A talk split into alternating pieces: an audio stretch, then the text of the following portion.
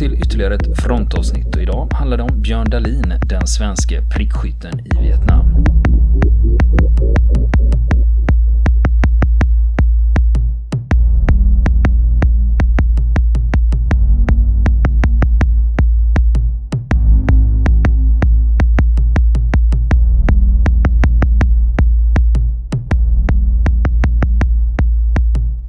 Ja du Niklas, känner du till Björn Swede Dahlin någonting? Ja, jag har faktiskt hört talas om honom. Men eh, utsätt mig inte för ett korsförhör är du snäll för att eh, jag, jag skulle nog ha fel på detaljerna.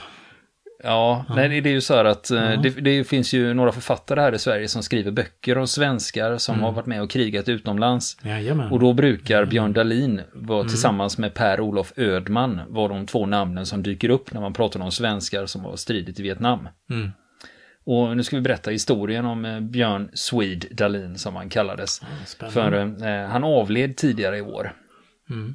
Så eh, det är också därför det är lite läge att prata om honom. Det är inte samma Swede som var med i Heartbreak Ridge. Nej, men i och för sig, de var väl Recon i Heartbreak ja, Ridge? just det. Eh, de, eller, ja. Tillhörde de marinkåren? Eller det var, det var marinkåren, ja. Det var marinkårens ja, Recon. Ja, kommer du ihåg? Say something nice, Swede. Ja. I'm gonna rip your head off and shit on your neck. ja. Den, just det. Vill man se den, den finns på Netflix. Eh, den, om, man har Netflix så kan man titta på Heartbreak Ridge som handlar om när eh, amerikanerna invaderade Grenada 1983. Jo, eh, Björn Dahlin, det var så här att han var inte så känd för svenska folket, eh, inte förrän 13 februari 1982. För då blev han kidnappad till tv-programmet Här är ditt liv med Lasse Holmqvist. Och ni som inte minns det här tv-programmet, det var ju på den tiden vi hade två tv-kanaler och alla såg på samma grejer. Så programmen på SVT, de hade ett gigantiskt genomslag. För hade du sett det så hade alla andra sett det också. Och det här programmet då, det gick ut på att en person, för det mesta var det kända personer eller någon med en intressant historia, de blir kidnappade under liksom dolda kameran liknande grej, liknande förhållanden. Och så blir de förda till en tv-studio i Malmö och där får de sitt liv återberättat i bilder och mm. av inbjudna gäster. Mm och som då spelat en stor roll i huvudpersonernas liv. Mm. Och det här leddes av Lasse Holmqvist som var en gigantiskt stor tv-personlighet. Ja, skånsk. Ja, och ibland ja, så var han lite väl stor för sitt eget bästa. För att mm. när han, det här var ju direktsänt, så om han tyckte det var tillräckligt intressant så drog han över. Han sket i att det var nyheter som väntade mm. och skulle sändas, utan hans program var viktigare, så han drog över sändningstiden. Mm, som tv-sporten. Ja, ungefär. ja. Jo, den där stora grönblommiga fåtöljen som figurerade i programmet, den ja. sitter fortfarande på näthinnan. Ja. Och det, nu är det så SVTs Öppet arkiv, mm. eh, där har de lagt ut flera avsnitt av Här, är, mm. här har du ditt liv. Men eh, inte avsnittet eh, med eh, Björn Dahlin. Kring hans avsnitt så står det bara en notering, publiceras ej i nuläget. Och det är bara eh, två avsnitt som det står på. Jag förstår inte varför. Vad för, konstigt. Ja, för i de flesta fallen de inte publiceras beror det på att de inte har löst filmrättigheter eller tv-rättigheter om, det, om det är något Just sånt. Det.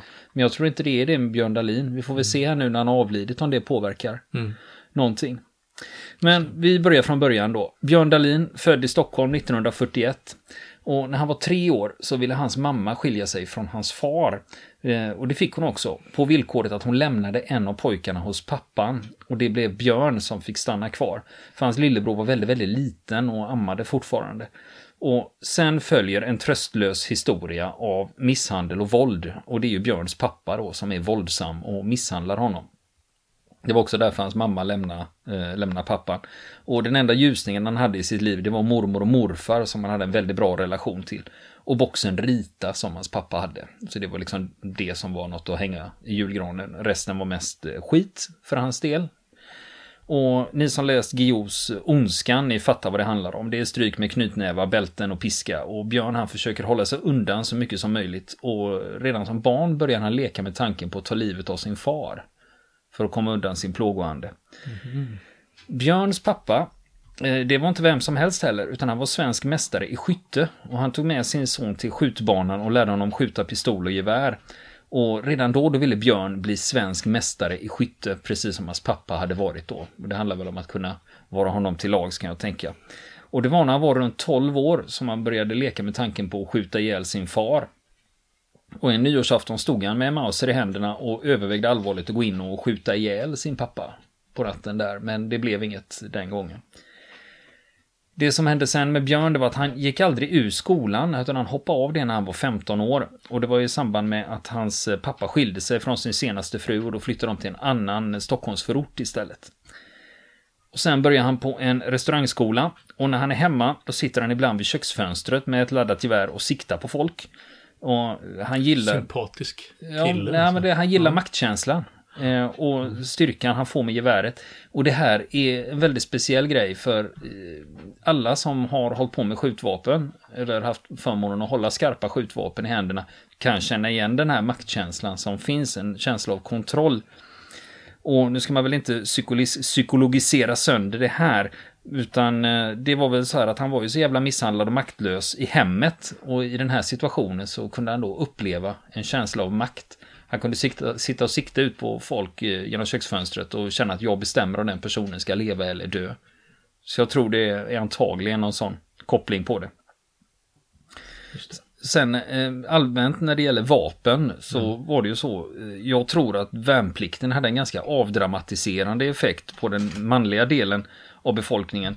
För innan så kanske många tyckte det här med vapen det var mystiskt och spännande. Men efter ett år och några tusen skarpa skott på skjutfältet och ändlösa timmar av vapenvård ja. så var de flesta ganska glada att få lä lämna ifrån sig 4,5 kilo stål och plast som man ja. släpat runt på. Ja, alla För som det... har gjort värnplikten kommer ihåg att eh, den där vapenvården den tog eh, loven av den största entusiasmen. Ja, så även om man tyckte det var häftigt i början att man dag två fick en AK5 i nävarna. Ja. Så det var ju kul att ligga på skjutbanan tyckte mm. jag och ligga och skjuta. Mm. Eh, eller köra Jajamän. stridsbanor och sånt. Det är kul. Va? Mm. Men så var det ju den här jävla vapenvården då. Mm. var... Mm. Jag hade en hel veckas övning där jag inte avfyrade ett skott bara för att slippa vapenvård. Ropade, ropade pang istället. Ja. Jo, eh, Björn Dahlin då, han börjar ju på en restaurangskola. Men han är inte så intresserad av att hänga med de andra killarna och springa efter tjejer. Han eh, hade nämligen väldigt, väldigt svår akne och led oerhört av det och väldigt blyg för tjejer. Så han föredrog att gå omkring hemma i förorten med en laddad pistol innanför jackan. En mm. Walter 22 hade han i axelhölster då, som han knallade omkring med. Och i hemmet, eh, där blir det bara värre och värre. Och några månader innan Björn fyller 17, då blir han utslängd. Och han tänker att hit ska jag aldrig komma tillbaka igen. Jo, en gång ska jag komma tillbaka och då ska jag skjuta ihjäl min far. Så det har han, liksom, Oj, det har han bestämt. Han har bestämt ja. sig för det. Eh, att eh, det är det han ska göra. Han hyr ett rum nere på Östermalm i Stockholm, hemma hos en tant. Och det passar bra för han har praktik på Rish och det ligger nere på Birger Och det är på Rish han kommer i kontakt med amerikaner för första gången. Och han tycker amerikaner är jättehäftiga. De är högljudda och generösa med dricks och de är alltid glada och trevliga och det är aldrig några problem. Mm. Så redan, han lär sig uppskatta amerikaner väldigt mycket där. Aha. Och på fritiden så går han på bio. Ofta. På ett år så ser han över 400 filmer. Och eh, han skriver själv i sin självbiografi att det är genom den verklighetsflykt som han var ute efter. Och han mm. Eh, fantiserar fortfarande om att döda sin far. Alltså ganska mycket actionfilmer och krigsfilmer. Och efter fyra år på restaurangskolan, då är det dags för lumpen. Och eh, han hade hållit på väldigt mycket med skytte, blivit ganska duktig. Han blev kock i flottan. Och han var lite besviken på det, för han gillar ju att skjuta. Och de första tre månaderna gjorde han i Karlskrona. Och han låg på kasernerna Trolle och Ankastjärna. Och mm. de som har gjort lumpen i Karlskrona, de vet precis vilka platser jag pratar om. Jajamän. Ja, jajamän. Bataljon av Trolle. Och efter tre månader i Karlskrona, då blev det förflyttning till motortorpedbasen på Gålö i Stockholms skärgård.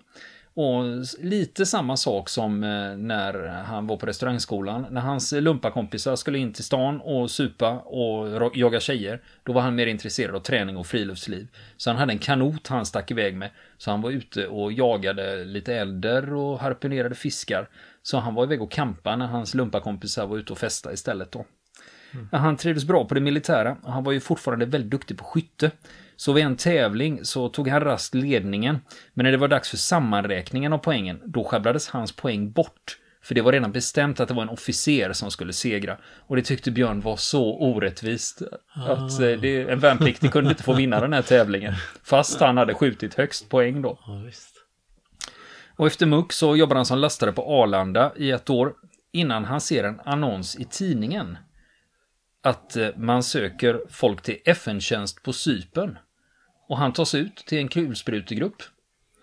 Och, och, nu är det oktober 64, så först blir det en månads utbildning på Kvarns skjutfält och sen ner till Sypen. Och då är Björn chef för en skyttegrupp och de placeras på en postering på norra delen av ön och de ska vara en buffert då mellan turkarna och grekerna. Och under den perioden han är där, då sker det inga större dramatiska grejer. Och 26 april 65, då är det muck. Mm. Mm -hmm. Men Sypen, det hade gett Björn mer smak för det militära. Han gillade det militära. Och han hade hört att marinkåren i USA, de var ju tuffast och han ville se om han klarade av det. Men hur gör man då för att komma med i amerikanska marinkåren om man är svensk medborgare och bor i Stockholm? Jo, han, han slog upp telefonkatalogen. Amerikanska ambassaden låg på Strandvägen 101. Och nu tänker stockholmarna, nej, nej, nej, nej, nej. Ligger inte amerikanska ambassaden på Dag Hammarskjölds väg 31? Det är ju ett stort komplex eh, mm, ut, utåt Djurgården till där som, som, alla stockholmare känner till där, diplomatstaden. Just. Men 1965, då var adressen Strandvägen 101. Mm. Man bytte, den delen av Strandvägen bytte namn 1999. Så mm. sen dess heter det då Dag Hammarskjölds väg. Just det. Om ni ska dit och ansöka till mm. marinkåren, tänkte jag. Mm. Så använd inte den gamla adressen. Nej, så Strandvägen 101 existerar inte längre. Men eh, hur som helst, det är så att eh, eh, Björn, han knallar upp till ambassaden och ber att få träffa konsuln. Och det får han. Och ett oanmält besök. Hej, jag vill träffa konsuln. Ja visst, sitt ner och vänta. Och sen kommer han då. Mm. Och då pratar Björn oavbrutet i en halvtimme om varför han vill på marinkåren. Men denna han möts av det tyvärr, du är svensk medborgare. Mm. Så det blev, det blir ingenting. Kalla handen. Det blev nej direkt. Mm. Men då säger Björn, men jag, men jag kan byta. jag kan byta. Nej, det blir inget den gången. Men två dagar senare är han tillbaka och då har han tagit med sig alla militära papper och skyttediplom. Och säger, jag vill träffa konsuln. Och det får han. Konsuln tar emot. Och, och tar emot och undrar sig, men varför söker du inte till svenska militären? Nej men jag vill ju ut i ett riktigt krig. ni, ni, har ju krig i Vietnam, i Sverige är vi ju inte i krig. Och, och så håller det på. För det blir avslag på avslag, men Björn han ger sig inte. Och det lustiga är att konsuln tar emot varje gång och är alltid artig och trevlig. Det skulle det, aldrig hänt idag. Nej, det är aldrig att konsuln säger nej, han är på ett möte eller är oanträffbar, mm. utan varje gång så tar han emot Björn Dahlin. Mm. Och, och så håller Björn på så. Tills en dag, då säger konsuln, idag ska vi göra en ansökan för dig. Och Björn håller ju på att smälla av. Att nu har ja. konsuln uh, luskat lite då och fått reda på att det går att komma runt det här då. Så de får fylla i en tjock bunt med papper och så skickar de in dem. Och så hör han ingenting på tre månader. Så han går upp till ambassaden för att höra hur gick det med ansökan. Och då får han beskedet. Allt är klart, du kan åka imorgon. Här är papperna. Nej men Jesus. så då hade allting rullat iväg då. Och då får han frågan, har du någon släkt i USA? För han behöver en amerikansk medborgare som kan gå i god för honom. Att, mm. att liksom Björn Dahlin mm. det är en schysst... Kille, ja, ja, ett karaktärsvittne helt enkelt. Ja. Och som dessutom ska ställa upp med 800 dollar i borgen. Jaha. Och det har han inte. Ja. Så konsuln är ju amerikansk medborgare, ja. så han går i god för honom och lånar upp och lånar ut 800 dollar då. Så han säger, det kan du betala tillbaka till mig sen då. Ja. Och 2 februari 66, då kliver Björn Dahlin på planet på väg mot New York. Och jag kanske kan nämna säkerheten och kontrollen på, flyg och flygplan, på flygplatser och flygplan på den tiden. Det var lite liberalare. För när Björn kliver ombord på planet, då har han en pistol i axel, en revolver i axelhölster. En 38, en Magnum. Mm. För han har sett på film hur eh, kriminellt det är i New York. Så för att skydda sig så har han med sig en rejäl jävla revolver i axelhölster då. En 38 är ju inte liten Nej. heller va. Och, klump. Ja, och så kliver han av planet och så kommer han fram till amerikanska tullen och då undrar de, har du något att deklarera? Han hade bara med sig en väska med alla sina tillhörigheter. Men så säger han, Ja, de kanske är intresserade av revolvern. Så han tar fram den och visar upp den. Vill, ja, jag har en revolver med mig, vill ni, vill ni titta på den? Och de, eh, tullan var inte sådär direkt intresserade av den och tänkte, ja, kan jag skriva upp fabrikat och nummer i alla fall, och så får det gå sen. Jämför med idag. Jämför med idag, på ja. den tiden gick det ja. att göra. Men då visade det sig att eh, det fanns, han hade ändå lite kontakter uppe i, i USA. Björns farmor hon hade bott i USA och hade bekanta uppe i Worcester. Worcester, det stavas Worcester. Just det. Det är en sån här klassisk, mm. samma sak när man pratar om den här mm. såsen. Ja, Worcestershire sås. Ja, men det uttalas Worcester. Mm. Och det ligger uppe i Massachusetts. Och där kunde Björn få övernatta tills han skulle till rekryteringskontoret då. Mm. Och han kliver på en buss som ska ta honom till Worcester. Men det visar sig att den går bara halvvägs. Och busschauffören bara stannar bussen och säger nu är det ändstationen. Och han säger men jag ska till Worcester. Ja då pekar han ner mot motorvägen. Och Björn, mm. han börjar gå längs med motorvägen och efter ett tag så stannar en polisbil och de undrar vad fan håller du på med? Knallar omkring på en motorväg mitt i natten. Ja. Men då, då visar han sina papper och förklarar vad han gör där, att han är på väg till Worcester. Ja, hoppa in i baksätet, säger poliserna, så kör de honom till stadsgränsen mellan New York State och Massachusetts. Ja. Där anropar de sina Massachusetts-kollegor som kommer dit med en polisbil. Och kör honom hela vägen till familjen Öberg, eller The Ubergs som de heter i Worcester då. Och, och, så han, han, han kliver in, han kommer och knackar ja. på, hej det är jag som är Björn, så får han sova över där. Och dagen därpå så går Björn till rekryteringskontoret och får reda på att den 9 februari, då går det tåg till South Carolina. Och att en buss kommer att hämta honom vid stationen där. Mm. Och rekryteringsofficeren har två råd till Björn som han ska komma ihåg under utbildningen till marinkårssoldat. Shut up and do as you're told. Mm. Det, det var liksom enda rådet mm. han hade. Och de kommer fram till Paris Island. Och den känner ja. ni ju igen. Ja, ja. Jajamän. ja, hur många gånger har ni sett Full Metal Jacket? Ja, just det. Så han kommer dit klockan två på natten och, eh, och det på, och just med Full Metal Jacket, det är ju där som första halvan av filmen utspelar sig ja. innan de åker till Vietnam. Och marinkåren har två ställen där de kör grundutbildning. För de som bor öster om Mississippi, mm. floden alltså, då är det mm. Paris Island som gäller, för det ligger ju på mm. östkusten i South Carolina. Mm. Och för de som bor väster om Mississippi, då får de mm. åka till San Diego och utbilda sig. Kommer du ihåg vad drillsergeanten hette i verkligheten? I... Lee Ernie, Ermy. Ja, Ermy. R. Ermy. Emery, ja. Just det. Ja. Han, var ju, han hade ju varit eh, drillsergeant i marinkåren på riktigt. Ja, han var, in, han var inhyrd som instruktör först. Ja, visst. Som skulle lära, eh, för ni vet han eh, helikopterskytten. Ja. Get some, get some. Just det. Det var han som skulle vara ja. drill, drillsergeanten från början. Ja. Men när Stanley Kubrick fick höra, ja. Early, heter han Ermy eller Emery? Emery. Eller? Emery. När de fick höra ja. eh, hur han kunde gå på liksom ja. i en kvart med okvädningsord utan ja. att upprepa sig. Varför ta en skådis? Varför ta en skådis så man kan få det riktigt? Och han har nämligen varit med i The Boys in Company C förut. Just så att han har, det. hade redan förekommit mm. som eh, drill, drillsergeant. På senare tid i livet var han ju också programledare för ett antal sådana här vapenfetischistiska program liksom, som går att titta på på YouTube. Mm. Bland annat man brassar på med olika historier historiska vapen och skjuter skarpt. Ja. ja. han dök upp lite överallt faktiskt mm. efter Full Metal Jacket. Ja, som blev... Det blev hans eh, genombrott. Ja, nu tillbaks till Paris Island 1966. Eh, de kliver av bussen och ställer upp sig på de gula målade fotmarkeringarna. Och då börjar rytandet. Och det är knottsvärmar som är på dem och de får inte röra sig eller blåsa efter knotten utan bara uthärda när knotten kröp in i ögon och öron för de skulle stå i stram givakt. Och sen får de örfilar och kvitterar ut kläder och så blir det rakning av skallen. Och det är full fart ända fram till 22, då det är sovdags. Sen är det revelj klockan 04.30. Och när reveljen går 04.30, då har de tre sekunder på sig att ställa sig i givakt på golvet. Och innan frukost och hygien så är det 8 kilometers löpning. Och måltiderna, där hade de 30 sekunder på sig att äta. Och så var det med alla måltider. Mm. Även, inte bara frukost, utan alla måltider. Då fick de stå i vakt och sen fick de sätta sig ner och äta i 30 sekunder. Och sen efter 30 sekunder var det i vakt igen. Eller var lättugg lättuggat.